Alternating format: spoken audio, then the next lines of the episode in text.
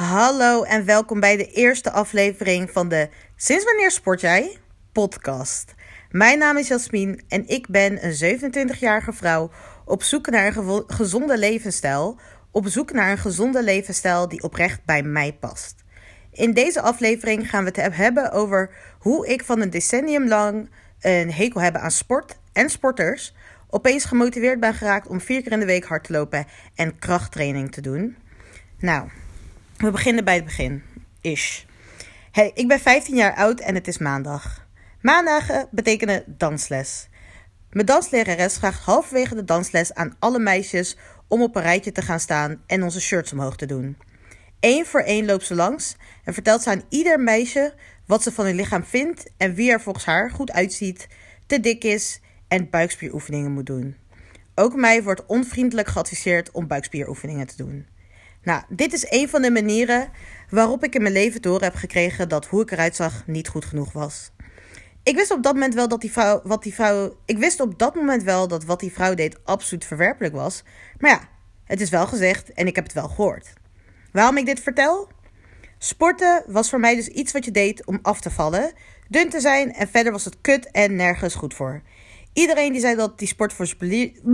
Iedereen die zei dat die sport voor zijn plezier of voor zijn uh, quote-unquote gezondheid, dacht ik ook alleen maar: wat lul je allemaal? Waarom zou je buiten adem willen zijn voor je plezier? Je wil gewoon een sixpack, geef het nou maar gewoon toe, je fakert. nou, mijn meest sportieve periode, nou ja, voor mijn huidige routine natuurlijk, was de middelbare school. Uh, en met, daarmee bedoel ik ook mijn wekelijkse dansles, één uur in de week. En elke dag naar school fietsen en gym, twee keer in de week. Na de middelbare school heb ik tien jaar lang zo goed als niks gedaan. Er volgden natuurlijk wel een aantal zwakke pogingen, nou, bestaande uit hardlopen in mijn tussenjaar, nou, nooit met plezier. Jarenlang betalen voor een fitnessabonnement en misschien twee keer per maand de sauna en de loopband gebruiken. Mijn meest serieuze poging was in mijn studententijd en duurde ongeveer twee, drie maanden. In de kelder van mijn studentenhuis zat een fitnessruimte. En en een vriendin van me was toevallig net personal trainer geworden. Nadat ze een paar keer mij was komen trainen, besefte ik me dat ik zeker niet het budget had om haar te blijven betalen. En ook niet de motivatie of kennis om het zonder haar te doen. Dus dat stopte ook al snel. Nou, ik was 25 toen ik besloot. Op mijn dertigste wil ik het fitste lichaam hebben wat ik ooit in mijn leven heb gehad.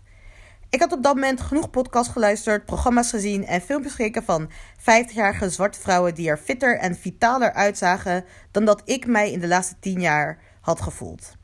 En toen dacht ik echt: oh, maar als deze vrouw van 50 het kunnen, dan is er nog tijd voor mij. Dit is ook iets wat ik nog kan inhalen. En waarmee ik uh, iets kan doen. Dus het idee van sporten heeft zich altijd al ja, bevonden in mijn achterhoofd. En bij ieder YouTube-filmpje of podcast die ik luister, dacht ik: damn, wilde ik maar net zo graag sporten als dat deze mensen willen sporten. Maar ik wil het niet. Een actief leven is voor mij niet weggelegd, dat is voor anderen. Van de ene. Maar ja, nadat ik dus eenmaal die uh, beslissing had genomen dat ik op mijn dertigste fit zou zijn, ben ik er gewoon van de een op de andere dag in gaan geloven. En eh, daardoor besefte ik mij afgelopen jaar op mijn 27ste, midden in de pandemie, besloot ik dat het tijd was om nu te beginnen als ik het op een gezonde manier wil doen. Van de een op de andere dag ben ik gaan geloven dat ik inderdaad om mijn dertigste het fit zou zijn dat ik ooit ben geweest. Dus op mijn 27ste vorig jaar, nou ik ben nog steeds 27, midden in deze pandemie panini, besloot ik dat het tijd was om nu te beginnen. Als ik, ik besloot, nou ja, ik ben nu 27. Als ik op een gezonde manier fit wil worden op het dergste, moet ik nu beginnen.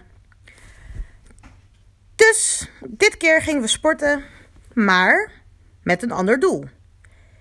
Het eerste doel wat ik voor mezelf stelde was: ik ga een sport vinden die ik leuk vind en ik ga proberen oprecht plezier te halen uit sport. Want dat is de enige manier waarop ik het mijn hele leven ga blijven volhouden. Dus daar ging ik naar op zoek. Mijn huidige doel is om zo gezond mogelijk oud te worden en me zo goed mogelijk te voelen. Mijn minder eervolle doelen zijn een grotere, rondere kont. En natuurlijk de klassieker onder alle sportdoelen, een plattere buik. En als mijn tieten kleiner zouden kunnen worden, zou dat ook niet heel erg zijn. En nu vraag je dus ook misschien af hoe ik eruit zie. Nou, uh, ik zal vast wel ergens mijn socials linken, dus dan kun je altijd even kijken. Maar voor degene die niet weet hoe ik eruit zie, uh, ja, wat kan ik zeggen? Ik heb altijd, denk ik, een BMI gehad van tussen de 23 en de 26. Dus soort van gezond is. Like, klein beetje overgewicht. Nou ja, ik ben er echter laatst achter gekomen dat als je een Afrikaanse afkomst hebt of een Aziatische achtergrond, dat je dan dus al bij een lager BMI zou moeten overwegen om af te vallen. En volgens mij, als je Aziatisch of eh, iets bent wat niet wit is, dan adviseren ze je om bij een BMI van 23 al te overwegen om af te vallen. Nou ja, nu is het BMI geen meeteenheid waar ik me per se aan vasthoud. Maar dan heb je in ieder geval een idee van hoe ik eruit zie. Want ik ben van de ene op de andere dag. Uh, heb, wat ik heb van de een op de andere dag de beslissing gemaakt om te gaan hardlopen. En dat is natuurlijk geen algemeen advies, want niet iedereen zou, zal daartoe in staat zijn. Dus als dit niet goed is voor jou en je gewrichten, moet je absoluut niet laten opjagen door mijn obsessie met hardlopen.